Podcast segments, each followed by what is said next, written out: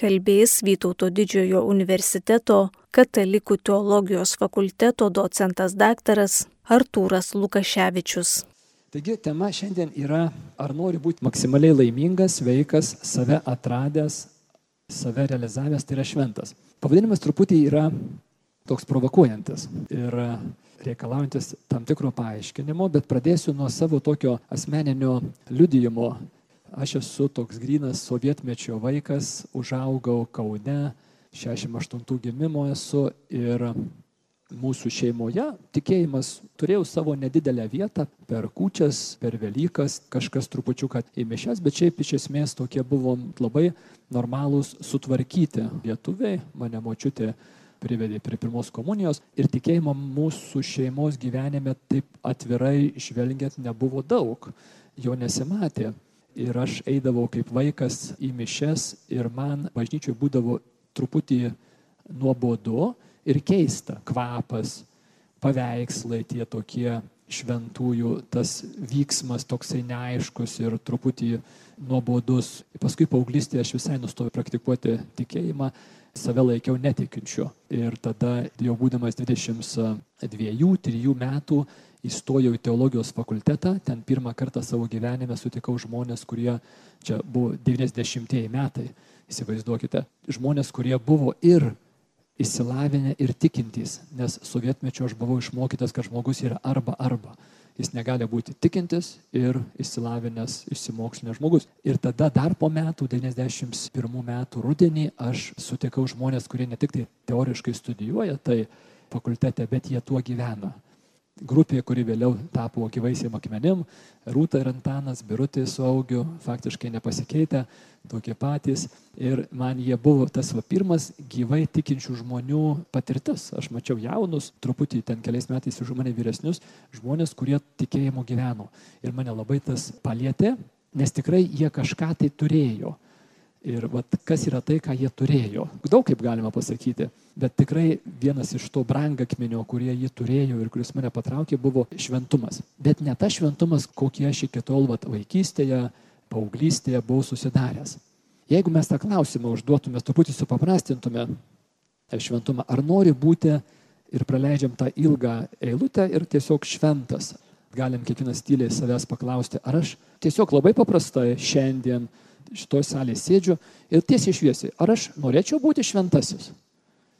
Nu, va, gerai, čia jau tokių yra, nepaimsiu taip pigiai lengvai iš jūsų. Na va, bet jeigu mes taip paklaustume, netgi paimkime tokią grupę žmonių, kurie su tikėjimu tikrai kažką tai bendro turi, tai yra žmonės, kurie sekmadienį po mišių išeina iš bažnyčios. Ir imkim tokią paprastą, ne, ne kokią nors elitinę bažnyčią ir paklaustume iš tą klausimą, tai aš beveik lažinuosi, kad pusė ir daugiau iš jų atsakytų, kad ne jie sakytų, nu, hmm, ne, gal, gal ne. Ir aš taip sugalvoju tokias tris priežastis čia, kodėl žmonės nenori būti šventais. Tai jeigu taip paprastai, imkime paprastą lietuvį vidutinio amžiaus, kuris nėra prieš tikėjimą, jis net galbūt kažkiek tai jį praktikuoja, o gal net kiekvieną sekmadienį eina į mišes. Ir kai jo paklausė, ar tu norėtum būti šventuoju, tai dažnai žmonės taip entuziastingai nepuola sakyti taip. Tikrai tai nėra savaime aiškus atsakymas. O taip, aš norėčiau. Ir kodėlgi nėra to tokio savaime aiškaus atsakymo, taip, aš norėčiau, dėl neteisingai suprastos šventumo sampratos, dėl kreivos šventumo sampratos. Labai dažnai tai siejasi su tokiais trim dalykais. Pirmas tai iš jų yra, kad reikės atsisakyti visų malonumų. Šventumas tai yra atsisakyti visų malonumų, o jie yra malonūs, tie malonumai, nebūtų malonumai. Tai va tai pirmas yra ir jis klaidingas yra. Nereikia atsisakyti visų malonumų. Tiesiog reikia žinoti, kad nemalonumuose gyvenimo laimė. Malonumai turi savo vietą gyvenime, bet per juos mes netampame laimingais. Antra klaida yra manimas, kad jeigu nori būti šventu, tai reikės daug kentėti. Žinai, aš šventu nenorėčiau būti, nes labai daug kainuos, tai kančios kainuos. Tai mėlyjei, jeigu mūsų artimieji arba giminaičiai taip galvoja, tai juos visiškai ramiai nuraminkime. Kentėti reikės bet kuriuo atveju. Ir labai daug reikės kentėti. Kažkaip tai žmonės mano, kad jau jeigu aš į šventumą netaikysiu, tai taip kažkaip tai nedaug kentėti reikės. Tai daugumai iš mūsų čia esame jau to amžiaus, kai žinome, kad ne. Kančia ir atvedė į pas Dievą. Kančios buvo sočiai Ir ar tos kančios dabar trūksta? irgi yra sočiai. Kančios bus šiaip ar taip. Tačiau jeigu tu gyveni su Dievu, tu žinosi, ką daryti su ta kančia, kaip ją priimti taip, kad jinai tavęs ne tik nesugriautų, bet ta kančia gali tave valyti, gali tave nupjaustyti nereikalingas visokias, reiškia, apskretusias tavo gyvenimo dalis, visokias sergančias širdies dalis. Tai va tai dėl kančios irgi yra klaida. Ir trečias dalykas yra manimas, kad gyventi šventą gyvenimą tai yra labai nuobodu. Jau šventieji, tai jau tokie nūdos, jau tokie, kaip sakant, tai mane Antanas Šalaševičius iš šito išgydė, reiškia, jisai, kiek jau to humoro jausmo aš turiu, tai iš Antano paimta daugiau kaip 50 procentų, reiškia. Ir kiek aš esu sutikęs savo gyvenime truputį pažengusių žmonių jau šventumo kelyje, aš ir, ir jūs esu tikras, įsitikiname, nu jau kas, kas, bet šventasis, kad šalia jų būtų nuobodu, ne. Prisisek saugos diržus. Jis bus labai nenuspėjamas. Jisai bus nesukontroliuojamas. Tu jo neįdėsi į narvą. Jisai yra tikrai žmogus laisvas, nuobodumas būtų priešingybė. Arkivyskupas Tamkevičius prieš kokią dešimt metų šitoje salėje per atsinumo dieną buvo skirta šventumui ir džiaugsmui viena diena. Jis pasakė svarbią frazę. Aš tiksliai neatsimenu pažodžiui, bet mintį tai gerai atsimenu. Jisai sakė šitaip šventųjų paveikslai bažnyčiose gali mus apgauti, nes tenai mes matome liūdnus šventuosius. Ir aš daug galvoju apie tai, tikrai. Aišku, tie paveikslai turi savo ten tą meninę ir pasaulyje žiūrinę aplinką, kontekstą, dėl kurio jie vaizduoja dažniausiai šventuosius, tikrai nespindinčius, nebesišypsančius ir kitaip. Kodėl taip yra? Jie daugiau akcentavo kitą šventumo aspektą, tai yra kova. Tai irgi yra dalis. Bet, e, nu ir menininkas, būdamas ribotas žmogus, turėdamas ribotus resursus, jisai į tą drobę sudėjo už tai tokį aspektėlį, pagal savo supratimą, dažnai irgi gana ribotą ir gavome tokį rezultatą. Bet va čia yra tas dalykas, kuris tikrai pamestas buvo mano vaikystėje. Aš matydamas tų šventųjų paveikslus nemačiau džiaugsmo ir už tai man jie nebuvo patrauklus. Iškia, aš nematau to, kas mane tenais trauktų. Ir tada tik tai vėliau jau teologijos studijose aš sužinau, kad anaip tol šventasis yra žmogus pilnai gyvas. Jis ne kažkoks tai reiškia toks suslėgtas, suvargęs, su kažkoks tai toksai, nu, prislėgtas. Jis yra žmogus pilnai gyvas. Aišku, jo gyvenime bus ir kovos, ir skausmo, ir šventieji nėra tie, kurie nuopolių nepatyrė. Taip, visa tai yra dalis šventumo kelio, bet jie anaip tol nebus kažkokie tai tokie va žmonės neturintys gyvenimo džiaugsmo, Čia ne mano mintis, čia yra vieno iš didžiųjų šventųjų, ankstyvųjų bažnyčios tėvų, šventojo Irenėjaus mintis kad Dievo garbė yra žmogus pilnai gyvas, gyvasis žmogus. Kiek mes savo gyvenime stokojame gyvumo, tiek mes savo gyvenime stokojame ir šventumo. Tai yra šventumo stoka, gyvumo stoka, džiaugsmo stoka, tikrojo džiaugsmo stoka ateina iš to paties šaltinio, atitolimo nuo Dievo. Toliau turiu pereiti prie iš kur tas džiaugsmas, iš kur tas reiškia tas šventumo džiaugsmas, gyvumas, gyvenimo apstybė iš buvimo arti gyvybės šaltinio, gyvenimo šaltinio, džiaugsmo šaltinio, tai yra arti Dievo. Mes tikro to džiaugsmo, tikros ramybės neturėsime, jeigu nebūsime arti šaltinio. Ir štai reiškia, šventumo gavimo paslaptis yra labai paprasta. Reikia būti arti Dievo. Ir tam, kad mes suprastume, ką reiškia būti arti Dievo, labai dažnai ir dvasinėme gyvenime, ir bendrai įvairiuose dalykuose yra naudinga pažiūrėti į priešingybę. Tam, kad suprastum dalyką, tu pažiūrėk, kokia yra jo priešingybė ir tada daugybę dalykų suprasi. Tai štai kas yra šventumo arba tikrojo laimingumo priešingybė. Ai tiesa, žadėjau pakomentuoti tą pavadinimą. Tai žiūrėkit, dabar jeigu mes tą klausimą dar truputį turiu sugrįžti, jeigu tą klausimą, ar nori būti maksimaliai šventas, dar truputį praplėtotume. Ir užduočiau tokį klausimą e, žmonėm išeinantiems iš mišių arba nebūtinai jau tokio labai tikinčiųjų kontekste, bet kitur, ar tu norėtum būti maksimaliai įmanomai sveikas? Šiapus ir amžinybėje, šiapusybėje ir amžinybėje. Arba jeigu dar labiau užaštrintume šitą klausimą, taip paklausiu, Ar tu norėtum, kad tavo vaikai, jeigu jų turi, o jeigu neturi, jeigu turėtum, kad jie būtų maksimaliai įmanomai sveiki ir šią pusybėje, ir amžinybėje? Na, o tai nebūtų, nebūtų abejojančių. Ne, mes, jeigu šitą klausimą jums užduočiau, visi vienu choru, bent jau mintyse ir širdyse, sakytume tikrai taip. Aš noriu, kad mano vaikai būtų maksimaliai įmanomai sveiki ir šiapus ir napus. Šventumas ir sveikumas nėra sinonimai. Už tai jie tam pavadinime truputį, truputį reikia paaiškinti papildomai, bet šventumas ir sveikumas yra artimai susiję. Jie nėra sinonimai, šventumas yra daugiau negu sveikumas. Bet šventumas apima ir sveikumą. Danguje mes būsime maksimaliai įmanomai sveiki.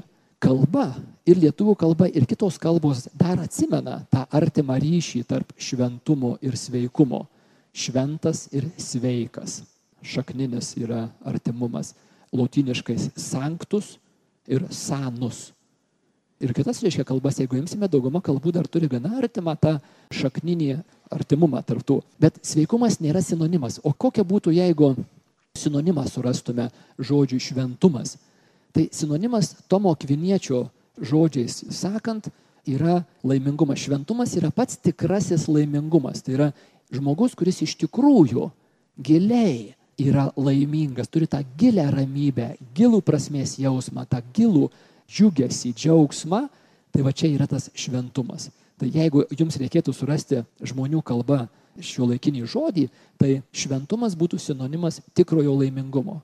Ir jeigu mes taip suformuotume klausimą, ar jūs norėtumėte, kad jūsų vaikai būtų iš tikrųjų pilnaja, gilia žodžio prasme laimingi ir šiapus, ir amžinybėje. Tai va čia būtų klausimas, kur nieks nu, nebus žmogaus, kuris galėtų sakyti, ne, aišku, taip. Tai tai būtų šventumas. Dabar su tais kitais žodžiais, save atradęs ir save realizavęs, tam tikra prasme taip, teisingai. Bet čia truputį yra pavojus. Mes gyvename pasaulyje labai egocentriškame, vartotojiškame pasaulyje, kur daugybė žmonių iš tikrųjų dieną naktį galvoja apie savęs realizaciją, savęs aktualizaciją ir panašius dalykus. Ir iš to kyla nemažos problemos. Nes tai yra ko negausi, jeigu to sieksi tiesiogiai. Pastebėkite, yra visai nemažai dalykų šiame gyvenime, svarbiausių dalykų, kurių mes negauname, jeigu juos siekime tiesiogiai. Paprastą tokį būtinį pavyzdį, jeigu yra žmogus, kuris be galo susirūpinęs, kad jį aplinkiniai gerbtų. Ir jisai vaikšto aplinkui ir visą laiką didysis rūpestis yra, kad tik mane gerbtų, kad tik mane gerbtų, kad tik mane gerbtų jau beveik neįmanoma gerbti. Ne? Tu turi nustoti tuo rūpintis. Reiškia, tu gali kuo nors kitų susirūpinti. Ir kol aš matau ir jaučiu iš tavęs tą transliuojamą nuolatinį begalinį susirūpinimą, kad tik tai mes tave gerbtume, mm, yra sunku tave gerbti. Ne? Tai va tai čia yra tas dalykas. Jeigu mes ieškosime savi realizacijos, savi aktualizacijos tiesiogiai ir va taip labai sutelksime tai dėmesį, mes to negausime. Bet jeigu mes ieškosime Dievo karalystės ir jo teisybės, tai mums bus pridėta su kaupu. Ir net nepastebėsime kada ir nepastebėsime kaip. Ir tai yra pasiekmė. Tai yra buvimo arti Dievo pasiekmė. Tie dalykai yra pridedami. Bet atsargiai, nes jie gali būti tam tokios egocentriškos pusės. Įmant, iš kitos pusės, neužmirškime, jeigu mes eisime pas Dievą ieškodami savirealizacijos, arba kažkaip tai iš tikėjimo bandysime pirmiausiai išpešti tą savirealizaciją, saviaktualizaciją, nieko neišeis. Gali tai būti, aš melžiuosi, Dieve, garbė tau, dėkoju tau, ar jau čia savirealizacija atėjo, ai dar ne. Gerai, Dieve, taip, svarkoju, kaip ten toliau sakyti, tėve mūsų ir sveika Marija, jo tėve, ne, tai čia ne, tai tas keliukas neišės. O mes visi esame nemenkai gebantys į saviapgaulę, tai daugumai iš mūsų reikės tam tikro tokio brandos proceso, kaip Dievas turėjo subrandinti Mozę, taip ir mes turėsime tų visų tokių va, atsisakyti. Nes nu, žaidimai nepraeina, čia teks ieškoti iš tikrųjų. Tai jeigu dabar mes žiūrėtume į šventumo priešingybę, tai yra nuodėmė. Vėlgi gyvenam tokiam pasaulyje, kuriame nuodėmės samprata yra labai iškreipta, labai supiginta, sukarikatūrinta ir netgi tikinčių katalikų tarpe. Nuodėmė tai toks yra, nu, toksai griekelis. Negerai pasielgiau. Taip, gali būti nuodėmė tai yra nuodėmė negeras poelgis, bet ta giliaja žodžio prasme, tai nuodėmė ateina iš nepasitikėjimo Dievu. Aš nutraukiu ryšį su Dievu, todėl kad aš juo nepasitikiu. O dar paprasčiau sakant, aš manau, kad jis nenori man laimės. Ką reiškia nepasitikiu? Kada aš pasitikiu kažkokiu tai žmogum, aš pasitikiu Antanu ir Rūtą, nes aš žinau, kad jie yra mano pusėje jie yra už mane. jie nori man laimės. Tai aš jais pasitikiu, aš galiu atsiverti jiems. Bet jeigu aš nemanau, kad jie nori man laimės, tai tada aš be abejo neatsiversiu jiems. Ir žiūrėdami į pradžios knygos trečiąjį skyrių mes matome tą gundytojo kvietimą nepasitikėti Dievu. Gundytojas kreipiasi į moterį su dviem klausimais. Pirmas klausimas paaiškėja, kad yra lengvas ir jo tikslas buvo užmėgsti pokalbį. Čia visa gundimo anatomija šito vietoje yra. Gundytojas kreipiasi su lengvai atsakomu klausimu tam, kad įviliotų mus į atsakymą, į atsakinėjimą jam. Ir tada jisai sako, ar tikrai Dievas sakė, nevalgykite nuo jokio medžio sode. Sodas yra kūrinyje, sodo medžiai yra kūrinijos gerybės ir žaltys sako, ar tikrai Dievas uždraudė naudotis visomis kūrinijos gerybėmis? Moteris atrodytų šitą žalčio klausimą sėkmingai atremė ir sako, sodo medžių vaisius mes galime valgyti tik nuo vieno, kuris sodo viduryje. Dievas sakė, nuo jo nevalgysite, nei jį liesite, kad nemirtumėte. Mūsų pačių labui Dievas nurodė nevalgyti nuo to medžio iš ir mes tą darome, nes mes Dievu pasitikime. Mes manome, kad Jis nori mums laimės. Jisai uždraudė valgyti dėl mūsų pačių gerbuvio. Ir tada žaltys meta savo jau pagrindinį kozirį, kai jisai turi klausančią ausį, jisai tada jau meta savo argumentą patį rimčiausią. Jūs tikrai nemirsite, ne, Dievas gerai žino, kad atsivers jums akis, kai tik jo užvalgysite ir būsite kaip Dievas, žinantis, kas gera ir kas pikta. Žaltis sako, jūs esate apgauti. Dievas jūs apgavo. Jisai sakė, kad jūs savo pakenksite, jeigu valgysite nuo to medžio, jeigu peržengsite Dievo nubrėžtą ribą. Tas medis yra kūrinio riba, kūrinio ribotumas. Kūrėjas, gamintojas, konstruktorius sukonstravo, padarė gaminį, kūrinį štai tokį. Būti kūriniu reiškia būti ribotu. Ir žmogus yra kūrinys, kuris savo ribas turi gerbti iš pasitikėjimo kūrėjų, iš pasitikėjimo Dievu nebūtų naudinga patikrinti, ar tikrai reikia tas ribas gerbti.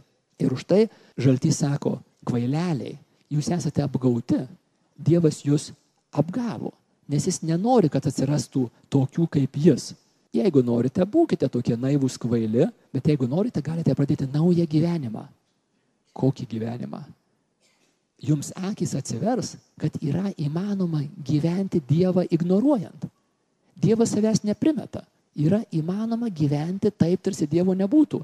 Ir patiems spręsti, kas gera ir kas bloga. Patiems elgtis taip, kaip tu manai, kas gera ir kas bloga. Ar žinote, kokia šiandien yra pati populiariausia laisvės samprata? Esu laisvas, kai darau, ką noriu. Tiesiai iš pradžios trečios skyrius. Elkitės taip, kaip patys matote. Patys spręskite, kas gera ir kas bloga. Elkis taip, kaip nori tiesiai iš žalčio lūpų. Ir žinot, kodėl žaltys tą sakė? Nes jis nesakė, pakluskite man. Jis sakė, pakluskite savo patiems, savo norams. Nes norus tau nesunkiai galima įkvėpti. Ir mes tą matom pastovė. Reklama, masinė kultūra nuolat formuoja mūsų norus iki labai aukšto intensyvumo lygio. Nemaža dalis paauglių šiandien negali gyventi neturėdami pačio naujausio mobilaus telefono modelio. Bet kam tau reikia to pačio naujausio tavo ankstesnis modelis puikiai atlieka savo darbą. Jam yra įkalbėta, kad jisai yra nepilnavertis, jeigu neturi pačio naujausio. Nors funkcijų požiūriu tai nieko naujo nepridės. Norai yra nesunkiai mums įpučiami. Ir už tai tiesiai žaltys mus valdo, sakydamas, būk laisvas, daryk, ką nori. Neleisk, kad kažkas tai tavo norus ribotų. Nes tuos norus mes nesunkiai tau suformuosime. Na va, ir dabar kas atsitinka? Moteris pamatė, kad tas medis geras maistui, jis žavus akims ir tas medis žada duoti išminties, jis skynėsi jo vaisių ir valgė, davė ir savo vyrui, paaiškėjo, kad Adomas yra čia pat, jisai dalyvauja pokalbėje pasyviai, nevykdo Dievo įsakymo saugoti sodą ir savo žmoną. Tuomet abiejų akis atsivėrė tam vat, naujam buvimo būdui, naujam gyvenimo be Dievo būdui ir jie suprato esą nuogi suprato esą pažeidžiami. Jie pradėjo jausti gėdą. Gėda yra savo pažeidžiamumo, savo ribotumo, supratimas, grėsmė. Gėda yra grėsmės pajūtimas. Ir jie slepiasi, Adomas ir Jėvas slepiasi ir pasistato pirmasis sienas. Pirmieji drabužiai atsiranda. Vėliau sienų statyba ištobulėja ir mes statomės ir toliau sienas. Kodėl? Todėl, kad puolė žmogus, pats sprendžiantis, kas gera ir kas bloga, padaręs save atskaitos tašku, tampa pavojingas kitam žmogui. Nes kitą žmogų aš kaip puolęs žmogus planuoju vartoti. Kodėl? Todėl, kad mano laimė niekas rimtai nesirūpina, tik aš pats. Ir jeigu aš noriu pasiekti laimę, aš turiu išpildyti didelį sąrašą savo poreikių, kurių dalį turės pildyti aplinkiniai. Ir ką dabar daryti, kad priversti juos pildyti tuos mano poreikius, reikės kažkaip tai juos kontroliuoti, manipuliuoti, jais naudotis. Ir vyras ir moteris, žvelgdami vienas į kitą ir žinodami savo paties mintis, Adomas žiūri į Jėvą ir žinodamas savo paties mintis apie ją, jau negali Jėva pasitikėti, nes jisai mato, kad jis pats jai tai nėra patikimas. Jis pats taigi ją planuoja kontroliuoti ir manipuliuoti. Tas pats ir Jėva. Ir jie slepiasi. Ir va čia yra tragedija. Nes žmogaus laimė yra giliame artimume, gilioje bendrystėje su Dievu ir iš tos artimos bendrystės, iš to artimo ryšio komunija, komunija latiniško žodis bendrystė. Kai jūs per mišes ir aš priimsime komuniją, tai mes priimame bendrystę. Dievas mums padaro save prieinamą, jisai tampa mums artimas, labai artimas ir mes galim įeiti su juo į bendrystę.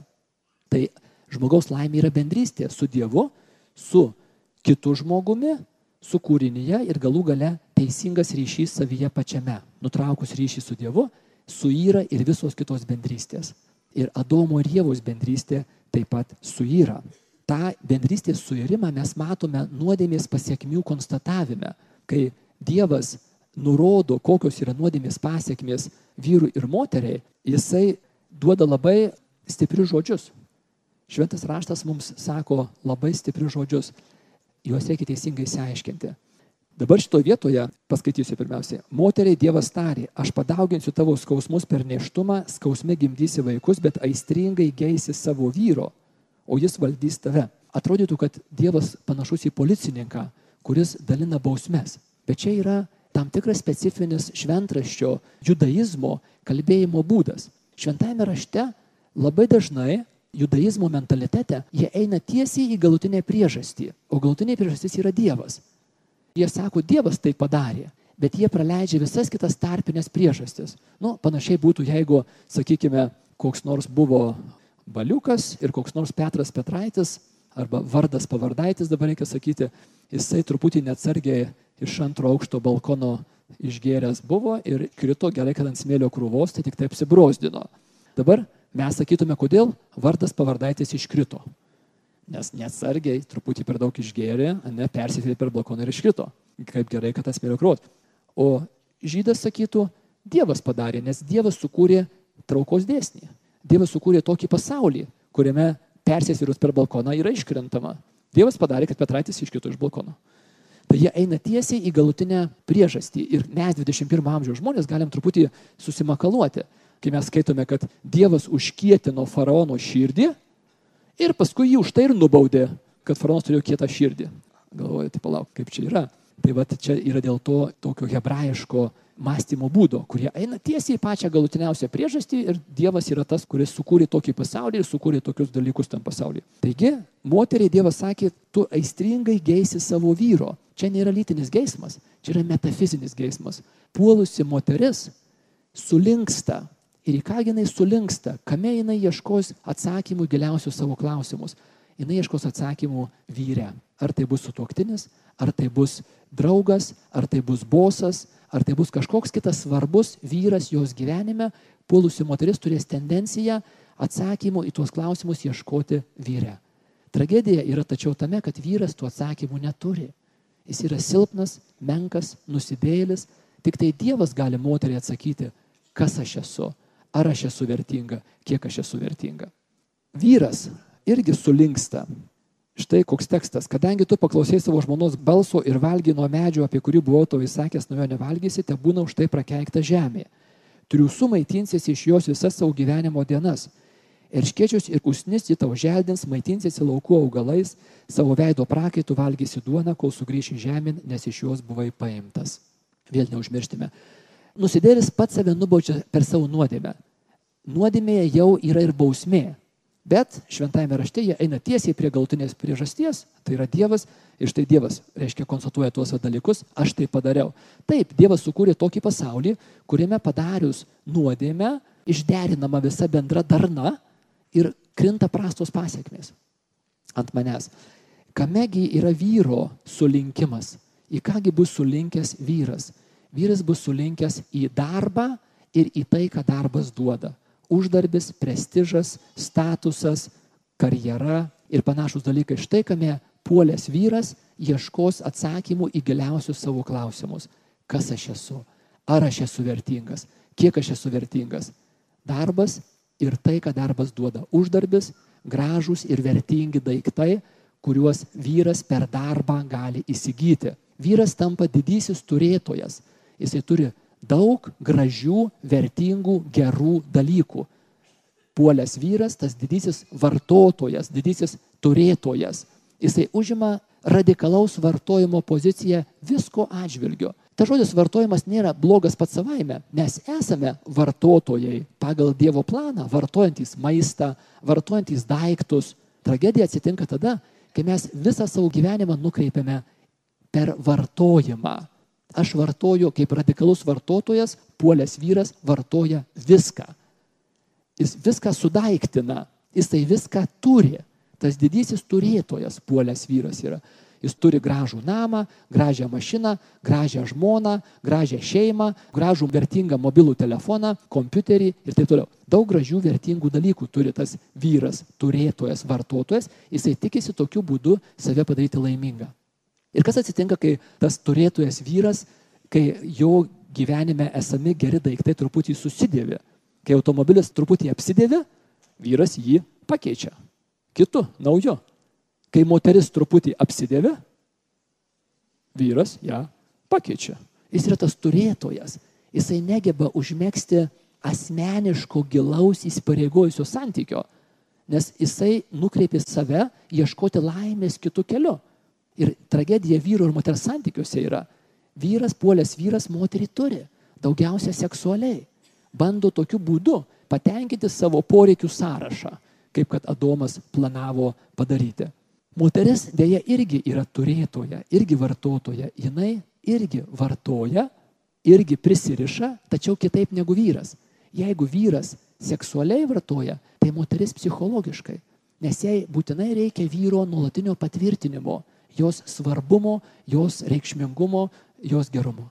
Būtų galima sakyti, bet palaukit, tai gal visai nebloga schema. Tegul kiekvienas iš jų duoda kitam tai, ko kitas nori ir bus labai gerai. Ir paaiškėja, kad nebus labai gerai. Kodėl? Todėl, kad ne šituo keliu yra patenkinamas žmogaus širdies giliausias troškimas, kuris yra bendrystėj, laimiai troškimas. Vartojimo keliu šitas troškimas nėra patenkinamas. Ir už tai, jeigu vyras moterį pilnai turi, ir moteris vyrą pilnai turi, jie vienas kitam tampa neįdomus. Jie vienas kitų pasibodi ir eina ieškoti kito. Nes šituo keliu, vartojimo keliu, to giliausio troškimo, bendrystės, meilės troškimo neįmanoma. Koksgi atsakymas į tai? Savo jėgomis mes atsakymo neturime. Jeigu Dievas nepadarė intervencijos, mes esame uždaryti. Mes patys save apsistatome sienomis, kuriomis aš kaip puolęs žmogus ginuosi, saugojuosi nuo kito, tačiau tuo pačiu metu tos sienos mane ir atskiria nuo bendrystės. Aš esu giliai, giliai vienišas, egoisto vienatvė yra. Jėzus Kristus savo Velykiniu slėpiniu, kryžiaus mirtimi ir prisikėlimu padaro radikalų, radikalų įsiveržimą į mano pragarą, į mano egoistišką vienatvę, užsidarimą ir kviečia mane išeiti iš to kalėjimo. Jėzus pramuša pragaro kalėjime sienoje skylę ir kviečia mane išeiti. Pastebėkite, pramušus skylę kalėjimo sienoje ir toliau galima likti kalėjime. Sienų skylė yra, bet aš iš kalėjimo neinu. tai yra įmanoma. Reiškia reikalingas mano indėlis, mano darimas kažko tai. Bet Jėzus padarė tą darbą, tą radikalų darbą, kurio aš savo jėgomis negalėčiau padaryti, tai jisai atvėrė man kelią į bendrystę. Bendrystę su Dievu ir tada bendrystę visose kitose ligmenyse. Ir žmogaus su kitu žmogumi, su kūrinyje ir su pačiu savimi. Tai štai tas ėjimas Jėzaus atvertų keliu į bendrystę ir yra šventumo kelias. Šventumo kelias yra sugrįžti į bendrystę su Dievu ir vis artimiau būti toje bendrystėje. Ir už tai antro Vatikano susirinkimas sako, kad pašaukimas į šventumą yra kiekvienam žmogui. Tai yra pašaukimas į laimingumą, įmanoma maksimaliai šioje žemėje ir amžinybėje, yra kiekvienam žmogui skirtas. Kitaip ir negali būti, nes kitaip Dievas vienus mylėtų tik tai dalinai. Visi esame pašaukti į šimtaprocentinį šventumą. Kiekvienas pagal savo stovį, pagal savo gyvenimo būvį, pagal savo pašaukimą, pasirinkimus, bet visi esame pašaukti. Ir tas šventumas, tas gyvenimas su Dievu realizuojasi dažniausiai. 99 procentai realizuojasi per labai paprastus kasdienius veiksmus. Geras savo pareigų atlikimas, geras profesinis, pareigų atlikimas. Neteisybė būtų laukti, kada prasidės krikščionių persekiojimai, tai tada aš jau paguldysiu gyvybę. O kol kas tai, ne, ne, ne, čia negerai būtų. Ir yra labai artimas ryšys tarp šventumo kasdienybėje ir dangaus. Tarp bendrystės su Dievu mūsų šiame gyvenime, jisai yra netobulas, nepilnas dar, bet augantis. Ir dangaus. Dangus yra maksimaliai įmanomas, ta bendrystė su Dievu. Dangus yra nekas kitaip kaip komunija maksimaliai įmanoma su Dievu. Ir tada iš tos bendrystės su Dievu išplaukianti bendrystė visose kitose lygmenyse. Motina Teresė sakė, dangus ir pragaras prasideda šioje žemėje. Amžinybėje tik įsipildo tai, kas jau prasideda šioje žemėje. Taigi tuo šventumu, tuo laimingumu mes jį gauname iš Dievo, mes užsikrečiame, būdami arti, gerąją prasme, užsikrečiame, būdami arti Dievo. Ir taip, danguje esanti didžioji dalis žmonių, mes jų net nežinom nei vardų, nei pavardžių. Yra nežinomi šventieji. Kai kuriuos iš jų bažnyčia kanonizuoja, kad būtų mums pavyzdžiai ir mes galime jas artimiau sekti, bet dauguma iš jų nėra žinomi ir viskas tvarkoja. Paskutinė mintis yra citata iš autorius Peter Krift, jo yra lietuviškai kelios knygos išverstos. Jisai sakė šitaip, sako, vienintelė tikra tragedija šioje žemėje, aš žinau, kokia yra, netapti šventuoju, žinokite. Visos kitos yra tik tai tokios dalinės, laikinos, o vienintelė tikra tragedija yra netapti šventuoju. Nebūtinai kanonizuotų. Kanonizavimas čia, kaip sakant, tik mums reikalingas. Tai baigdamas e, kviečiu jūs įsigyti Pranciškaus popiežiaus apaštališkai paraginimą apie pašaukimą į šventumą šio laikinėme pasaulyje. Labai miela knygelė, jau aš ją perskaičiau, tai raginu ir galite greta labai svarbus įrankis - Dievo pagalba, Dievo žodžio skaitimas. Be šventų rašto skaitimų reguliaraus mums sunku bus keliauti šitame kelyje. Tai labai ačiū uždėmesį ir Dievas te laimina mus visus. Kalbėjo Vytauto didžiojo universiteto katalikų teologijos fakulteto docentas daktaras Artūras Lukaševičius.